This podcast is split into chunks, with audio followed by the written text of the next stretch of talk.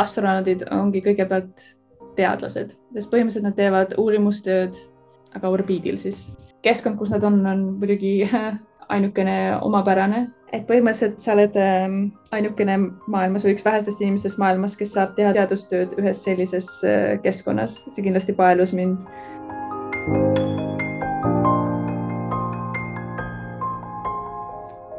tervitused Tallinnast, minu nimi on Rainer Sternfeld ja te kuulate saatesarja Globaalsed eestlased, kus meie eesmärgiks on luua mälupilt sajast ilmapaistvast Eesti inimesest üle maailma, üksteiselt õppida ning tuua meid teineteisele lähemale on kuues jaanuar aastal kaks tuhat kakskümmend kolm ning mul on hea meel tutvustada meie tänast saatekülalist, kelleks on füüsika doktorikraadiga kosmosetehnoloogia teadlane ja elektroonikainsener Maris Tali.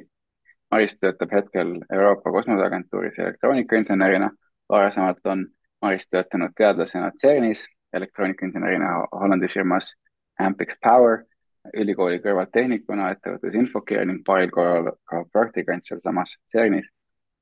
Äh, Maris omandas bakalaureuse ja magistrikraadi Oslo ülikoolis elektroonika erialal ning kahe tuhande üheksateistkümnendal aastal kaitses ta doktorikraadi füüsikas Jyväskylä ülikoolis Soomes, uurides radiatsiooni mõju elektroonikale. Ja doktoritöö valmis koostööprojektina äh, Euroopa Kosmoseagentuuri ehk ESA, CERN-i ja Jyväskylä ülikooli vahel.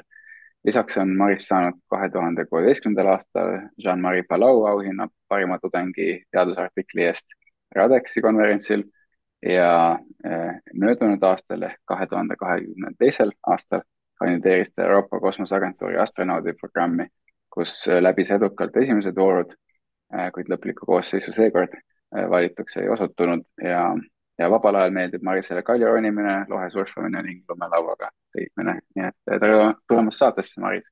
tere, tere mm. mul on väga hea meel, et sa võtsid selle aja minuga rääkida ja ma küsin, et kust maailma otsast ma praegu sind leida võin?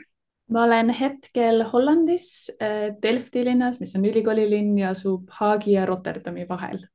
Ja Delft on väga vahva, vahva koht, äh, kus mul on ka meeldinud käia, see on tore ülikooli, ülikoolilinn ja, ja paljude ettevõtete kasvulava ja kõike palju muud ka ähm,.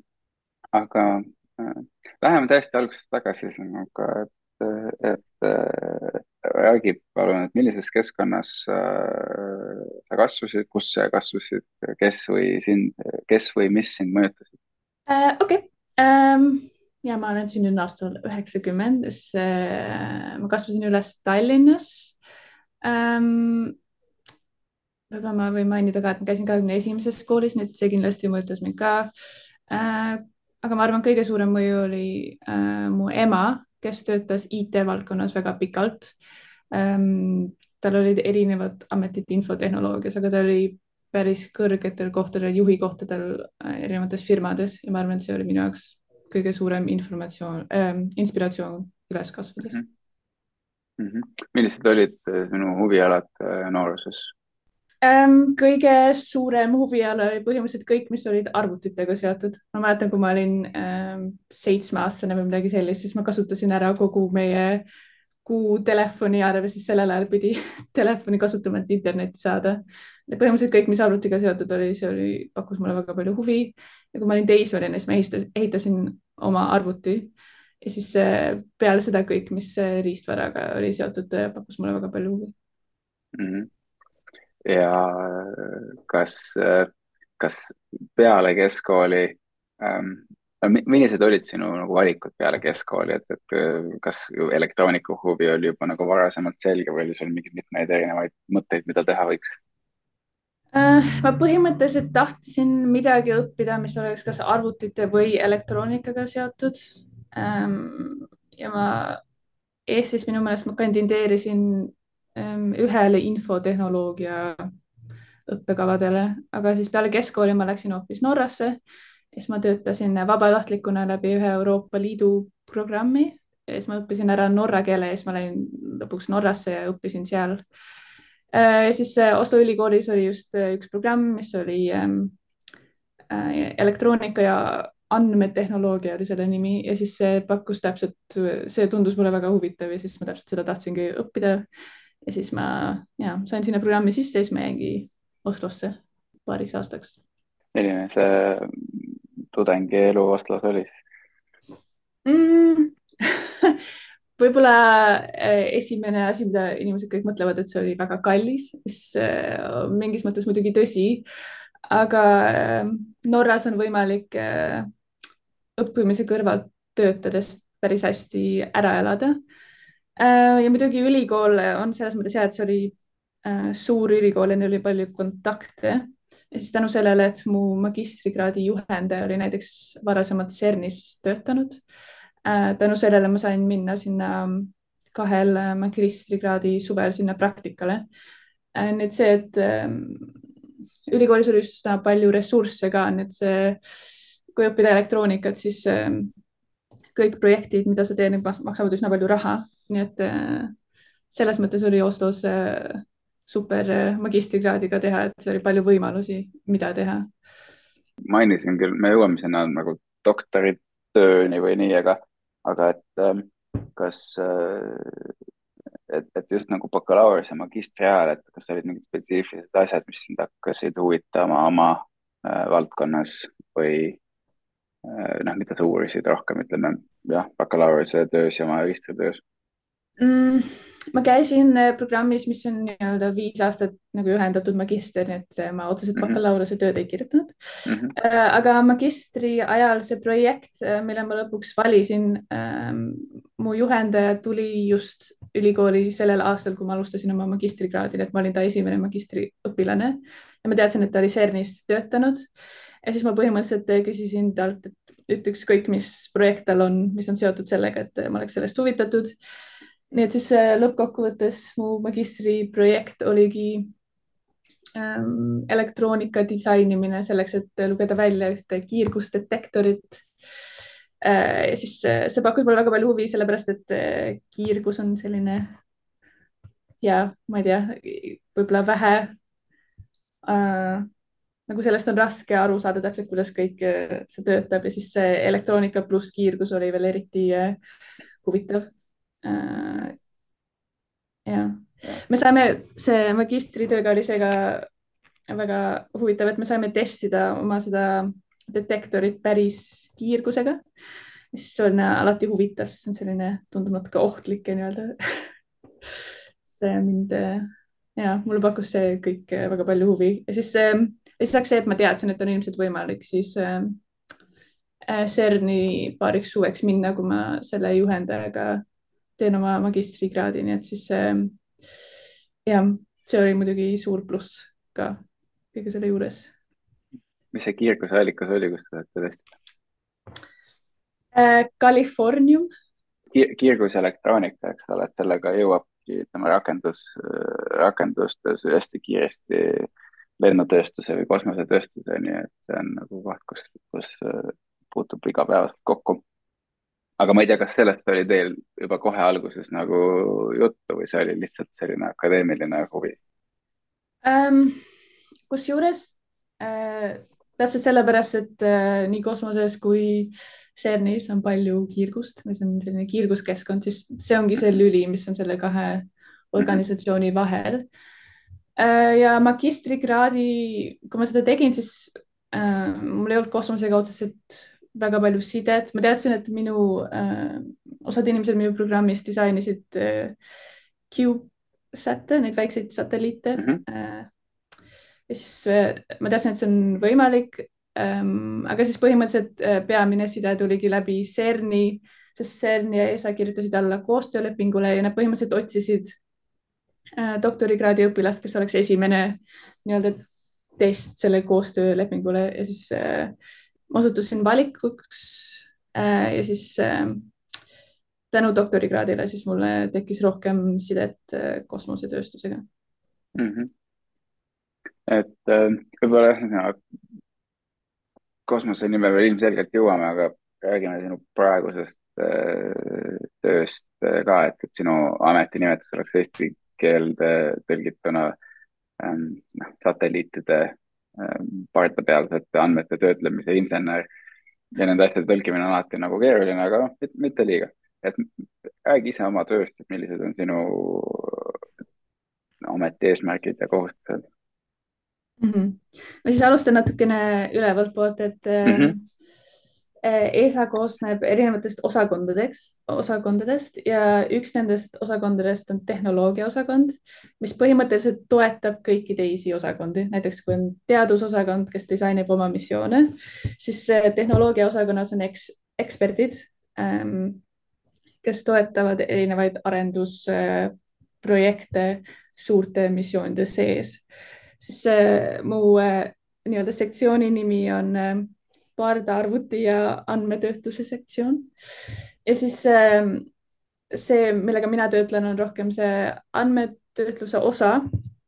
nii et äh, pardaarvutid tavaliselt ei ole seotud andme, andmete töötlemisega ähm,. aga viimasel ajal või ütleme, et äh, keerulisemates missioonides on ka huvitav ähm, ähm, lisaks äh, töötlusele, mis on nendes ähm, erinevates sensorites nii-öelda, äh, siis äh, on ka huvitav ähm, nii-öelda platvormi peal, siis äh, satelliit on platvorm pluss siis erinevad sensorid ja kõigil neil on oma elektroonika.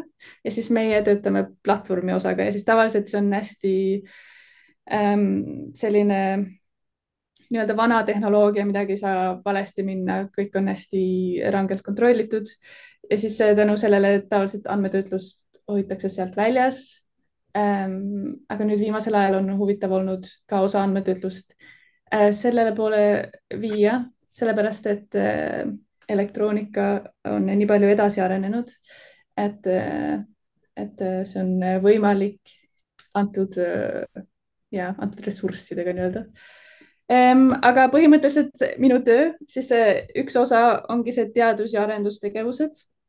et põhimõtteliselt me koostame plaane äh, ja proovime ähm,, proovime mõelda, mis võiks olla järgmistel aastatel relevantsed arendustegevused ähm, Euroopa kosmosetööstuses põhimõtteliselt. meil on üsna palju kontakte firmadega ja teiste agentuuridega ja siis me proovime oma plaane natuke harmoniseerida ehm,. siis teine, teine osa minu tööst on projektide toetamine, siis kui on äh, näiteks äh, oletame, et teadusosakond äh, planeerib äh, missioone äh,, siis äh, see osa, mis on seotud paardarvutite või andmetöötlusega, siis äh, meie osakond toetab otseselt ähm, ekspertidena äh, seda teist osakonda siis suur osa meie tööst on ka standardiseerimine, äh, mis on põhimõtteliselt standardite kirjutamine, mis ei ole ilmselt kõige huvitavam osa meie tööst, aga see on äh, kindlasti vajalik ähm,. ja, sest ja see ongi põhimõtteliselt, see on suures plaanis mu töö. milline näeb välja sinu argipäev, Esa? ja see ähm, siis Euroopa Kosmoseagentuur on Eh, esmalt agentuur, mis tähendab, et paljud tegevused on seotud eh, standardiseerimisega. siis meil on üsna palju erinevaid gruppe, kus me ähm, arutame ähm,, põhimõtteliselt räägime standarditest ja, ja mis on endiselt relevantne, mida peaks muutma ja mis on tulevikus oluline, sest äh, elektroonika areneb nii kiiresti. Ja põhimõtteliselt standardiseerimine on natukene keeruline, eriti kui äh, pidada silmas, et on nii-öelda klassikaline kosmosetööstus nagu need suured agentuurid ja need suured äh, klassikalised firmad. Ähm, ja siis on nii-öelda äh, uuem kosmosetööstus inglise keeles new space kes natukene käivad oma rada ja siis äh, äh, see kosmoseagentuur ikkagi äh, peab äh, praeguse arengutega sammu pidama ja siis me äh, põhimõtteliselt peame seda silmas, kui me arutame standardiseerimist näiteks ähm,. aga peamine tegevus on äh, selle teadus- ja arendustegevuste projektide läbiviimine, sest äh, põhimõtteliselt meie äh, jagame raha Euroopa kosmosetööstusse laiali ja siis me juhime neid projekte ja nende projektide juhtimine just tehnilise poole pealt ähm,. sest äh, selle agentuuri suur eelis ongi see, et meil on suur ülevaade erinevatest firmadest ja me oleme nii-öelda kosmosetööstusest selles mõttes natukene väljas, et me ei konkureeri ähm, ja siis tänu sellele me saame arendustegevust äh, viia läbi viisil, mis arendaks kogu kosmosetööstust ja, ja tõstaks konkurentsivõimet kogu Euroopa kosmosetööstusel.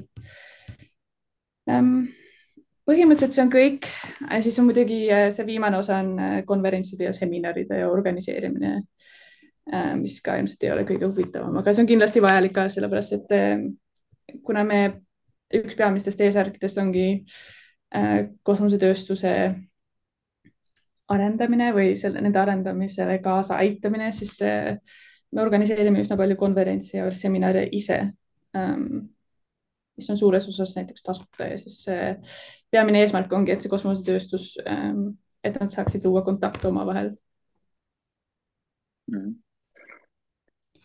kui, kui keegi saate kuulajatest peaks kaaluma, noh, ma ei saa öelda, et sarnast teekonda, aga ütleme, et, et, et huvitab kosmosetehnoloogia valdkond ja võib-olla oleks huvitatud ESA-s tulevikus töötama, et äh, miks on ESA-s huvitav töötada?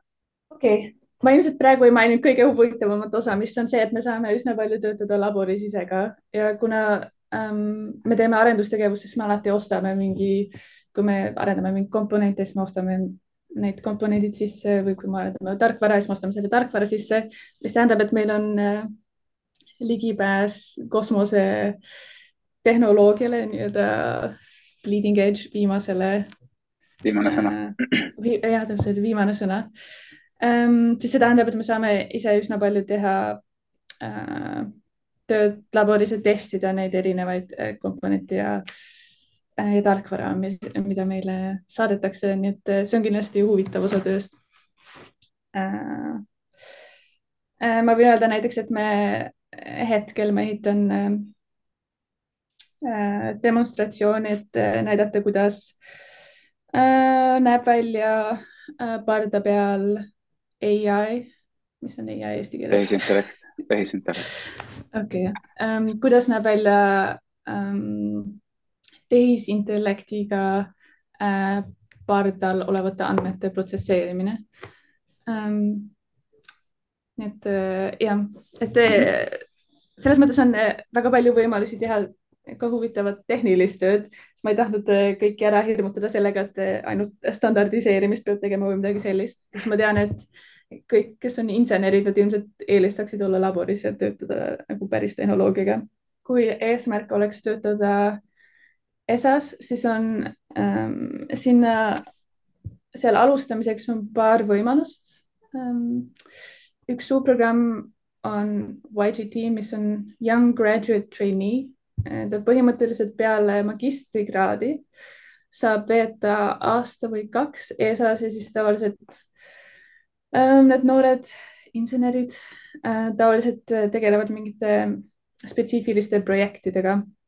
siis neil on sellised väiksed projektid või mõnikord üsna suured ähm,, millega nad äh, saavad tegeleda need kaks aastat ja siis neil on ligipääs ekspertidele ja meie laboritele ähm, näiteks äh, ma tean, et äh, ESA-s on paar budget'id, kes on süsteeminsenerid ja äh, nad oleksid saanud minna siis Kuruusse äh, tegema viimaseid ettevalmistuse paarile, paarile satelliidile nii-öelda, siis selles mõttes, et väga palju huvitavaid võimalusi on isegi siis, kui olla noor ähm,. peale YGT programmi siis põhimõtteliselt on natukene teaduslikumaid programme, mis on äh, see, mida ma esimesena tegin, kui ma ESA-sse läksin, mis on research fellow, mis on põhimõtteliselt peale doktorikraadi äh, nagu postdoc äh, inglise keeles. ja siis tavaliselt see on äh, rohkem selline paariaastane uurimustöö äh,. peamiselt äh, see on teadusosakonnas ähm, kui tahta nii-öelda äh, staff tööd ah,, mis see on eesti keeles? On kui... Äh, kollektiiv, aga mida sa mõtled selle all? ja kui taha, kui põhimõtteliselt, kui tahta nagu inseneritööd või täis äh,, täiskohaga tööd äh, kosmoseagentuuris mm, -hmm. siis äh, ma arvan, et kõige äh,, kõige suurem või kõige parem soovitus, mida ma saan anda, on see, et kõigepealt proovida leida tööd äh, kosmosetööstuses et Euroopas on nii palju väikseid või isegi keskmisi ähm, kosmosefirmasid, kes tegelevad väga huvitavate asjadega hetkel. Leedus ja Poolas on väga palju firmasid, kes tegelevad äh, riistvara arendamisega ja ma tean, et Eestis on ka firmasid, kes sellega tegelevad. võib-olla natukene väiksemal skaalal ähm,. aga ma kindlasti soovitaks, sest praegu on kindlasti ka väga huvitav aeg kosmosetööstuses, sest on äh, nii-öelda uus kosmosetööstus on väga kiires arengus mm. -hmm. ja just äh, eelmine aasta, nüüd paar kuud tagasi oli ka ähm, suur koosolek äh,, kus põhimõtteliselt iga kolme aasta tagant äh,, kolme-nelja aasta tagant on äh, selline suur äh, riikide või ESA liikmesriikide kogunemine, kus nad otsustavad meie rahastuse üle ja siis äh, see oli just eelmine aasta ja põhimõtteliselt äh, me saime üsna palju rahastust juurde äh,. aga ma arvan, et see on just see lisaks sellele, et ESA on head tööd teinud, tähendab just, et Euroopa kosmosefirmad on head tööd teinud. nii et äh, riikidel on usku selles, et nad äh, rahastavad kosmoseprogramme, et siis see on kasulik nii ühiskonnale kui ja riikidele endale mm. -hmm. Kui me juba räägime kosmosetööstusest ja kosmosetehnoloogiast ja, ja nii-öelda uuest kosmosest või nii jälle otsetõlkes rääkida, et siis mis on sellised peamised väljakutsed kosmosetehnoloogia valdkonnas praegu uh,? kui rääkida traditsioonilisest kosmosest mm -hmm., nii-öelda kosmosetööstusest, ähm, mis on rohkem agentuuride poole peal, sest meie peamine mm, väljakutse ongi äh, nii-öelda kaasas käia trendidega, mis on nii-öelda uues kosmoses, sest ähm, ilmselgelt missioonid, mida meie arendame, äh, need ei oleks mm, majanduslikult huvitavad nii-öelda uuele kosmosele. Need äh, väga suured teadusmissioonid, mida arendatakse kakskümmend aastat, on äh, ilmselgelt jäävad alati meie valdkonda või nii-öelda ESA valdkonda. aga meil on kindlasti palju õppida nii-öelda uuest kosmosetööstusest, just kui rääkida ähm, äh, efektiviseerimist või põhimõtteliselt nagu ähm, kõikide protsesside natukene efektiivsemaks tegemisel või uute tehnoloogiate kasutav, kasutamiseks kasutamisest. kasut-, kasutuselevõtuks, jah. ja kasutuselevõtuks ähm,. Siis äh, teiselt poolt on kindlasti uuel kosmosel on palju õppida ka nii-öelda traditsioonilisest kosmosest, sest ähm, siiamaani on ähm, ma ei tea, üks suur osa satelliite, mis on tehtud väiksemate firmade poolt, äh, mis on muidugi loogiline ka, on, on äh, madalamatel orbiitidel, mis tähendab, et näiteks kiirguskeskkond on palju kergem kui äh, kõrgematel orbiitidel. Ja nad selles mõttes, äh, mõnes mõttes nad ei ole, väiksemad firmad ei ole nii palju pidanud mõtlema näiteks kiirgusele kui, äh, kui varem, aga nad, nad sihivad nüüd palju rohkem kõrgemaid orbiite ja, ja näiteks nende väiksemate satelliitide kuule saatmist ja see süvakosmosesse saatmist, nii et ilmselgelt neil tuleb ka rohkem tegeleda äh, nii-öelda standardite lugemise ja nende jälgimisega, sest äh, ilmselgelt majanduslikult, majanduslikult äh, see on keeruline järgida kõiki neid standardeid, mida ESA missioonid järgivad, siis mm -hmm. see on, see on väikestele firmadele suur kulu ja lisaks sellele on ka väiksemates riikides ei ole piisavalt eksperte Äh, nii et mm -hmm. ma arvan, et see on suur äh, väljakutse ähm, väiksematele firmadele. Väikestest riikidest rääkides, Eesti on ka üks, üks väike riik, et mm, kui sa mõtled Eesti talendi peale ja võimaluste peale, et mis on sinu arvates äh, parim viis Eestil oma, oma talente ja ressursse äh, kasutada, et, et kosmosevaldkonna arengule kaasa aidata mm,? Eestil on kindlasti paar ala, milles nad on eksperdid ähm,. näiteks küberturvalisus. ilmselgelt Eesti on äh, Euroopas esirinnas sellel alal, nii et äh, oma tugevustele mm -hmm. või nende, nende nagu nendest ja nendega seotud projektidele kandideerimises, see on, see on kindlasti oluline, sest äh, küberturves on kindlasti palju tööd, mida saaks teha ja ma tean, et Eestis tegeleb ka sellega või Eesti firmad. ESA ise proovib üsna palju rahastada kohalikke firmasid nii-öelda ähm,. ESA liikmesriigid rahastavad ESA-t ähm, mingi protsendi ulatuses ja siis ESA peaeesmärk ongi, et see raha tuleks sada protsenti tagasi nendesse riikidesse ähm, kindlasti on Eestis äh, alasid nagu, milles on eksperdid, nagu ma just mainisin, küberturvalisus näiteks. aga siis on ka alasid, mis äh,, mis vajavad väga suurt äh, esimest investeerimist, nii-öelda riistvara ehitamine on üks nendest, mis on kindlasti keeruline, kuna see esmane investeerimine, see raha, mida on vaja, kõigepealt on päris suur, siis kindlasti suuremate riikidega ja firmadega koostööd teha, et see et nende kontaktide loom, loomine, et see on, see on see, mida ilmselgelt peab tegema.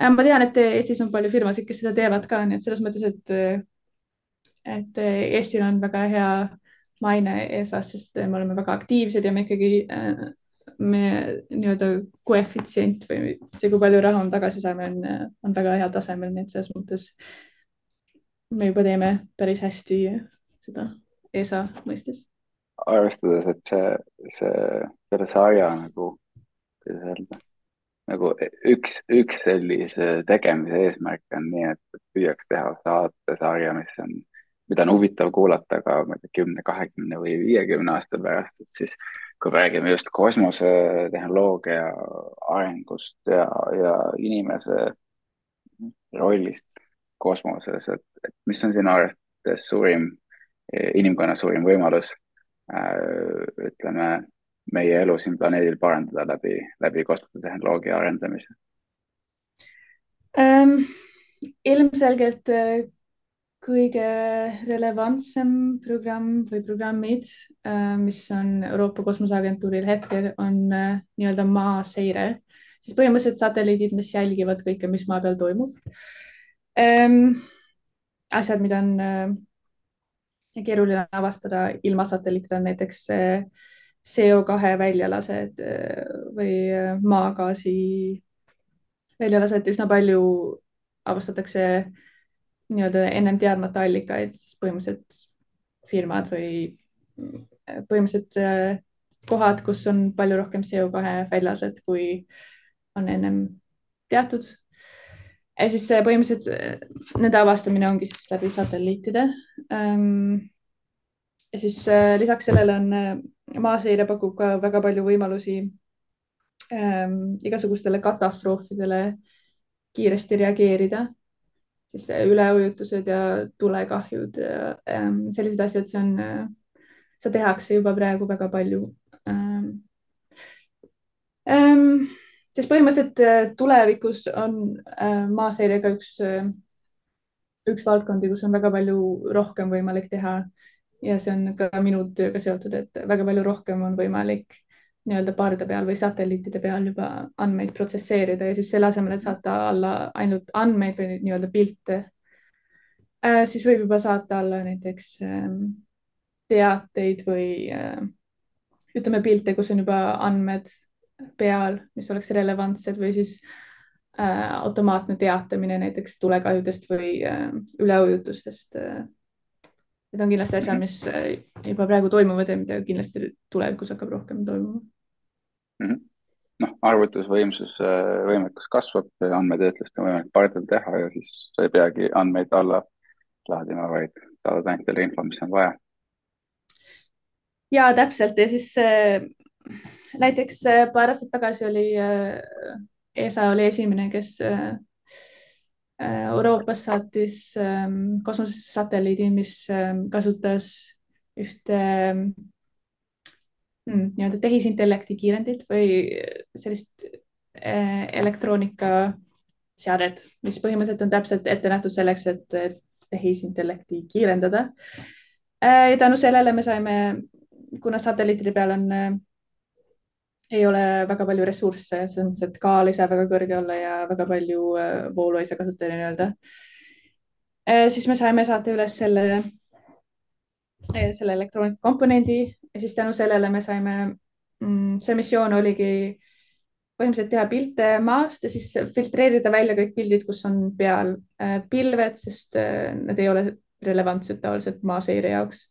ja siis tänu sellele ähm, sai kokku hoida põhimõtteliselt poole sellest andmesidest, sest äh, peaaegu midagi sellist nagu nelikümmend protsenti kõikidest piltidest on kaetud pilvedega. millised on, millised on mõned äh, suuremad riskid äh, selles valdkonnas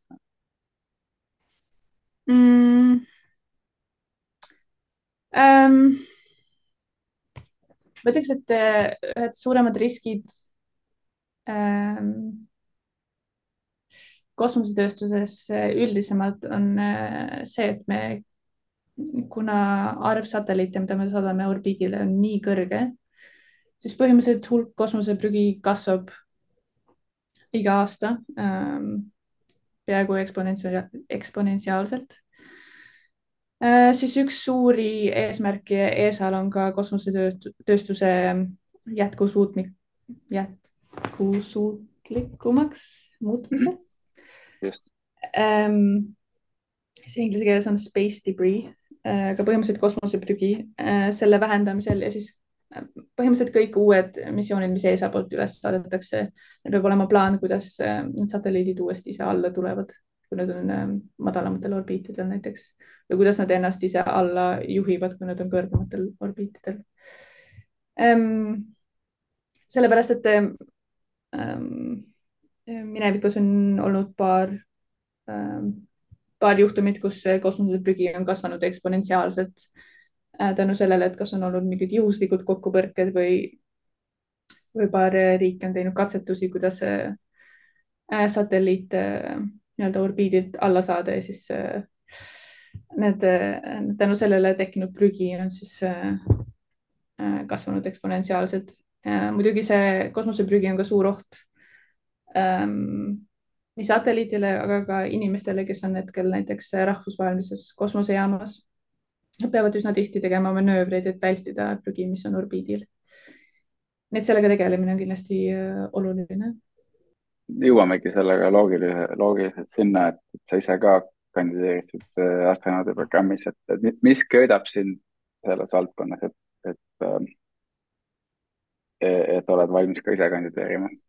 see on naljakas, mulle, mult on seda küsimust umbes sada korda küsitud nüüd aga põhimõtteliselt ähm, kuna ma olen äh, kõigepealt teadlane ja astronaudid ongi kõigepealt teadlased, sest põhimõtteliselt nad teevad uurimustööd ähm,, aga orbiidil siis ähm,. siis see teaduse aspekt kindlasti köitis mind ähm,. aga siis äh, võib-olla see keskkond, kus nad on, on muidugi ainukene omapärane. Ähm, ma arvan, et see, et, et põhimõtteliselt sa oled ähm, ainukene maailmas või üks vähestest inimestest maailmas, kes saab teha teadustööd ühes sellises äh, keskkonnas, see kindlasti paelus mind.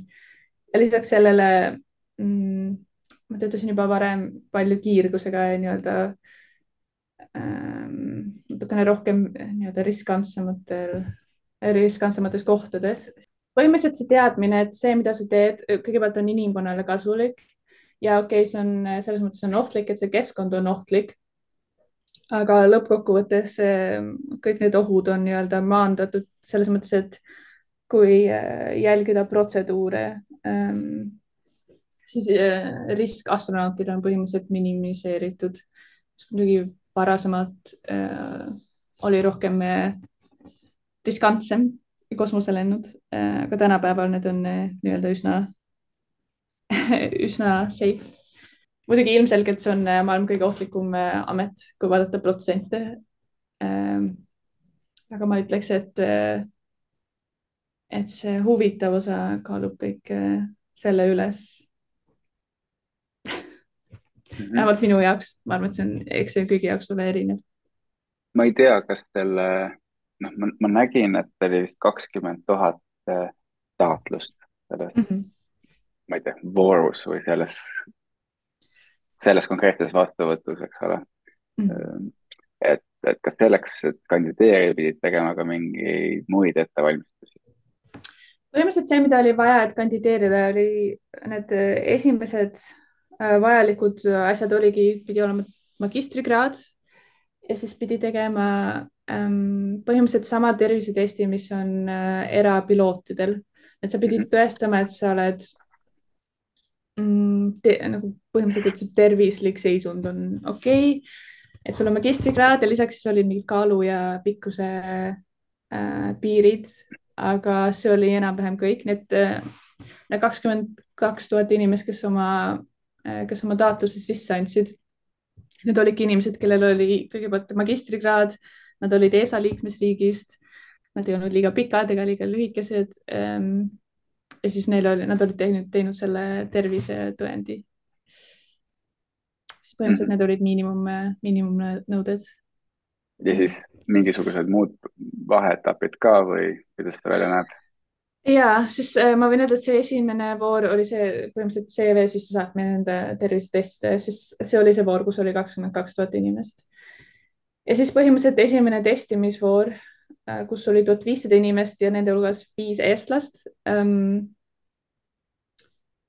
ja äh, see oli nii-öelda psühhomotoorilised testid oli selle nimi, aga põhimõtteliselt nad hindasid, kas inimene võimeline reageerima piisavalt kiiresti, kas ta mälu on piisavalt hea kas ta käe-silma äh, koordinatsioon on piisavalt hea, sellised äh, klassikalised intelligentsitestid põhimõtteliselt. see, see oli esimene voor, see on kõik kirjeldatud ka astronaudi käsiraamatus, kui keegi tahab lugeda internetis. aga see voor peale seda oli põhimõtteliselt psühholoogiline ring, mis on põhimõtteliselt keskendub grupitööle ja erinevatele psühholoogilistele testidele Äh,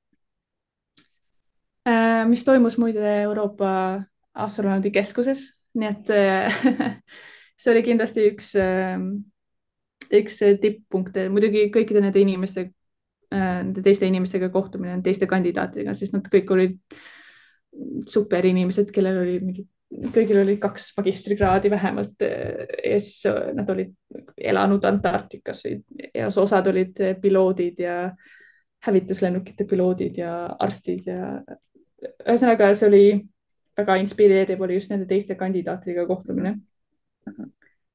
ja siis ähm, Euroopa Astronaudikeskuse nägemine oli ka muidugi super äh, lahe, sest neil on ähm, rahvusvahelise kosmosejaama selle Columbuse äh, modüüli täpne koopia.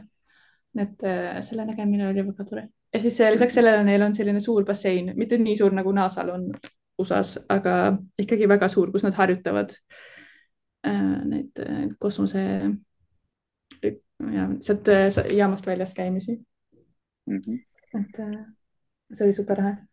selle astronautide koosseisu ütleme, pardatiimi moodustamise puhul äh, ongi, ongi see huvitav just, et, äh, sul peakski olema keegi, kes on piloot ja keegi, kes on meditsiinivaldkonnast ja keegi, kes on insener, et ma ei tea, kui palju neid inimesi praegu välja valiti või noh, valitakse veel või ma ei tea, kus see protsess on, aga kuidas moodustatakse Parta tiim praegu ja, ja siis teine jätkuküsimus kohe sinna otsa, et umbes see, et, et kui sa kohe sellesse koosseisu ei saa, aga sa oled ometi selles astronaudi programmis sees, et kas sa saad nagu uuesti kandideerida kas sa oled seal vahepeal veel mingites ettevalmistustes nii-öelda, et noh, et oled selles kuidagi tegus äh,? Jah, ma jõudsin viimase saja hulka, mis on, eh, mul on väga hea meel selle üle, nii palju kui ma tean, siis ma olen ainukene eestlane, kes eh, nii kaugele jõudis. Ehm, nad valisid lõpuks seitseteist inimest, eh, viis astronauti, üks paraastronaut ja siis üksteist paruastronauti. et see on hetkel see koosseis ja siis ehm, need viis astronauti põhimõtteliselt teevad läbi astronaudi treeningu ja siis nad töötavad astronaudina kosmoseagentuuris ja siis üksteist inimest on nii-öelda varus, äh, kes äh, ei ole otseselt ESA palgal, aga nende peatöö ongi nagu ähm, promotöö tegemine kosmosevaldkonnale põhimõtteliselt. Nad äh, saavad ESA-t tuge ka selleks. aga need pardatiimid tõesti ähm,, seal on väga erinevad inimesed, astronaudid on üsna erinevad inimesed. Et äh, eelmine ESA astronaudi koosseis oli peamiselt piloodid äh, ja siis seekord nad äh, ütlesid ka avalikult, et nad tahavad rohkem erinevaid inimesi. seekord see, sellest seitsmeteistkümnest inimesest, seal on nii arste, nii insenere üks nendest on muide minu eelmine kontorikaaslane, nii et tal on põhimõtteliselt sama taust, mis minul, et see on, mul on tõele väga hea meel. Ähm, ja siis on muidugi klassikalised piloodid. Ja siis mul on, selles mõttes on ka, mul on hea meel, et ähm, need geograafiliselt Euroopas on erinevatest, paljudest erinevatest riikidest pärit astronaudid, mitte ainult nii-öelda Lääne-Euroopast. selles mõttes see on ka väga hea meel mm. -hmm et, et üks mu küsimustest oli ka see, et noh, et, et, et, et ka, et sa praegu ei osutunud valituks, aga et kas sa saad jätkata selles programmis nii-öelda taas kandideerijatel või sa lähed nii-öelda tagasi nulli, kus a la tuleb kakskümmend tuhat taotlust selles mõttes ma arvan, et ma lähen tagasi nulli jah, et mm -hmm. see selleks korraks on see äh, valik läbi mm. -hmm. eelmine kord oli aastal kaks tuhat kaheksa, nii et äh, kolmteist aastat tagasi, juba neliteist nad, ähm, kuna hetkel on, ähm, äh, hetkel just algas Artemise programm, mis põhimõtteliselt inimeste tagasi kuuleprogramm ja selle raames ehitatakse ka üks kosmosejaam, mis äh, jääb Kuu orbiidile. sellega seoses on palju rohkem inimesi vaja, rohkem astronaute vaja, et ESA ise on ka, ma nüüd ei räägi ESA töötajana, aga just astronaudi kandidaadina, et ESA ise on öelnud, et nad tahaksid rohkem või tihemini neid valikuid korraldada. et selles mõttes oleks hea uudis nii minule ja muidugi teistele eestlastele ka. ma tean, et need viis eestlast, kes kas said selle tuhande viiesaja sekka, et nendest paar jõudsid natukene kaugemale ka, nii et selles mõttes, et, et esimese kandideerimise kohta ma arvan, et Eesti Eestil läks päris hästi. ma loodan muidugi, et järgmine kord, et Eesti, ma tean, et Eestis on väga palju inimesi, kellel on magistrikraad ja kes oleks võinud kandideerida ja ma arvan, kes oleks olnud ka väga head kandidaadid. ja ma loodan, et, äh, et kui nüüd kosmosetööstust rohkem propageerida ja sellest rääkida ja, ja siis muidugi see huvi viimasel ajal on palju kasvanud. et ma loodan, et järgmisel korral on veel rohkem inimesi, kes kandideerivad äh, Eestist ka. see oleks super. kas äh, nii-öelda noh, kui sa uuesti kandideeriksid, et kas sa nüüd tead umbes, ma ei tea, on see, annavad nad mingit tagasisidet, et millises valdkonnas peaks nagu oma oskuseid parandama või on, seal mingi tagasisidemehhanism üldse? Äh, põhimõtteliselt on küll, aga see on natukene keeruline, sest ma põhimõtteliselt sain kõikidest ringidest läbi mm. -hmm. ja nüüd ja need viimased ringid olidki natukene mm, -hmm. põhimõtteliselt pidid kedagi valima ja nüüd otseselt mul ei olnud mingit konkreetset asja mm, -hmm. mis mul oleks puudu olnud nii-öelda. No nii see on jah, et lõpuks, lõpuks on nagu kõik äh, nii, nii heal tasemel, et sa pead valima, sest kõik, kõik ei saa, noh. täpselt jah, see on ja kui vaadata neid inimesi, kes osutuks, osutusid valituks, siis neil on ka ähm, ja neil on äh, töötanud paljudes erinevates riikides, paljudes erinevatel aladel ja need on täiesti uskumatud CV-d paljudel ja siis äh, jah, see konkurents on väga tihe kindlasti mm. -hmm, väga vahva. Kas sul on veel midagi sellist, mida sa tahaksid elus teha peale astronaudiks kandideerimise mm,? Yeah, kindlasti ähm, ma nüüd, kui ma oma doktorikraadi lõpetasin, siis mul oli tegelikult plaan ähm, kolmeks kuuks minna äh, nii-öelda matkama ähm,. Mm, ja ma ei olnud täpselt otsustanud, kuhu, ilmselt ma oleks läinud äh, kuskile Everesti ümbrusesse ähm,. ja ma tegelen palju kaljuronimisega ja siis alpinism on äh, loogiline jätk sellele, siis äh, ma tean, et paljud inimesed, kes olid kandidaadid, nad tegelevad, tegelesid palju alpinismiga, nii et see on kindlasti midagi, mida ma, millega ma tahaks rohkem tegeleda. siis võib-olla mitte otseselt mingite maailma kõrgemate mägede ronimisega või mitte nii ekstreemselt, aga isegi Euroopa kõrgem, kõige kõrgema mäe selle tipu jõudmine, see oleks kindlasti väga huvitav. see on muide täpselt CERN-i lähedal, siis iga päev ma nägin lõuna ajal sellest, äh, seal, kus me lõunat sõime, oli Mont Blanc näha. nii et äh, alates sellest ajast ma juba mõtlesin, et see oleks kindlasti väga huvitav. väga hästi Jõu,. jõuamegi viimase plokini, mis on e-, Eesti plokk, et um, kui sul oma töös või ütleme Hollandis elades tekib võimalus kirjeldada Eestit, kui küsib täna, et milline on Eesti, siis kuidas sa kirjeldad? Äh, esimene asi, mida ma mainin, on muidugi meie digiriik, et kõik on digitaalne. Äh, ma arvan, et enamus eestlasi, kes välismaal elavad, mainivad seda kõigepealt või ma, või no ma vähemalt arvan mm. -hmm. siis teine asi, mida ma mainin, et Eesti on startup'ide riik. ma alati, see see statistika, et äh, inimese kohta on äh, Eestil kõige kõrgem ähm, investeerimine või investeerimissumma või midagi sellist. Äh, põhimõtteliselt ma seda mainin alati, et Eesti üritab olla Euroopa Silicon Valley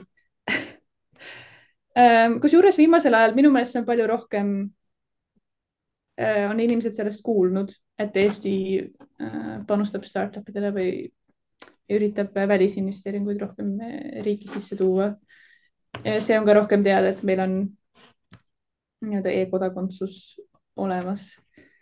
Nii et selles mõttes on Eesti ise väga head tööd teinud, et nad on propageerinud ennast kui digiriigina, et ma alati räägin sellest ka, nii et ma loodan, et ma aitan kaasa kuidagi sellele võib-olla oma töö ja, ja õppimise muudatused pole, pole liiga palju Eestis olnud viimasel ajal küsimus või vastus on nagu raskendatud, aga ma küsin ikka, et, et see on nagu utoopiline küsimus, et, et kui sul oleks üleöö võimalik äh, ühe asja, üks asi Eestis paremaks muuta, siis mis see oleks? seal on palju erinevaid võimalikke vastuseid, sellepärast ma võiksin midagi öelda oma tööga seoses, see oleks ilmselgelt ähm, see, mida ma sooviksin, et äh, Eestisse tuleks rohkem kõrgtehnoloogiat ähm,. Just äh, suuri tehnoloogiafirmasid, kes tooksid rohkem oma arendust Eestisse. see, see mulle meeldiks väga. firmadest nagu Airbus või Thales, äh, siis neil on paljudes erinevates riikides oma nii-öelda baasid ja siis see, kui sellised firmad juba riigis on, siis see toob väga palju äh, rohkem rahastust just kosmosetööstuses näiteks. See, ma arvan, et see oleks äh, super, kui see oleks võimalik ähm,. ja ma siis vastan võib-olla niimoodi, see oleks see, see esimene mõte, mis oma tööga seoses mm. ja, ja viimane küsimus minu poolt oleks, et, et Eesti Vabariik äh, tähistas äh, viis aastat tagasi oma sajandat aastapäeva.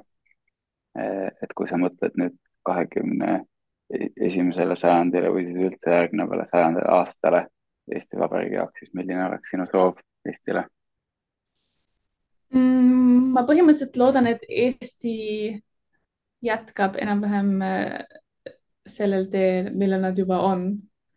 Äh, ma ütleks, et Eesti on äh, eriti kui võrrelda ennast, võib-olla see ei olegi hea, et öelda, et võrreldes naaberriikidega, võib-olla see ongi asi, mida me peaks vältima.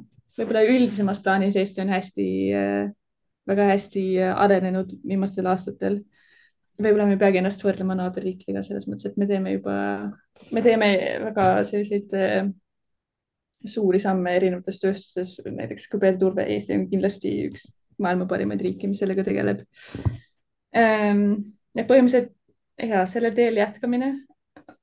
ma arvan, et mida rohkem aeg edasi läheb, seda rohkem ka Eesti muutub natuke rohkem nii-öelda heaoluriigiks.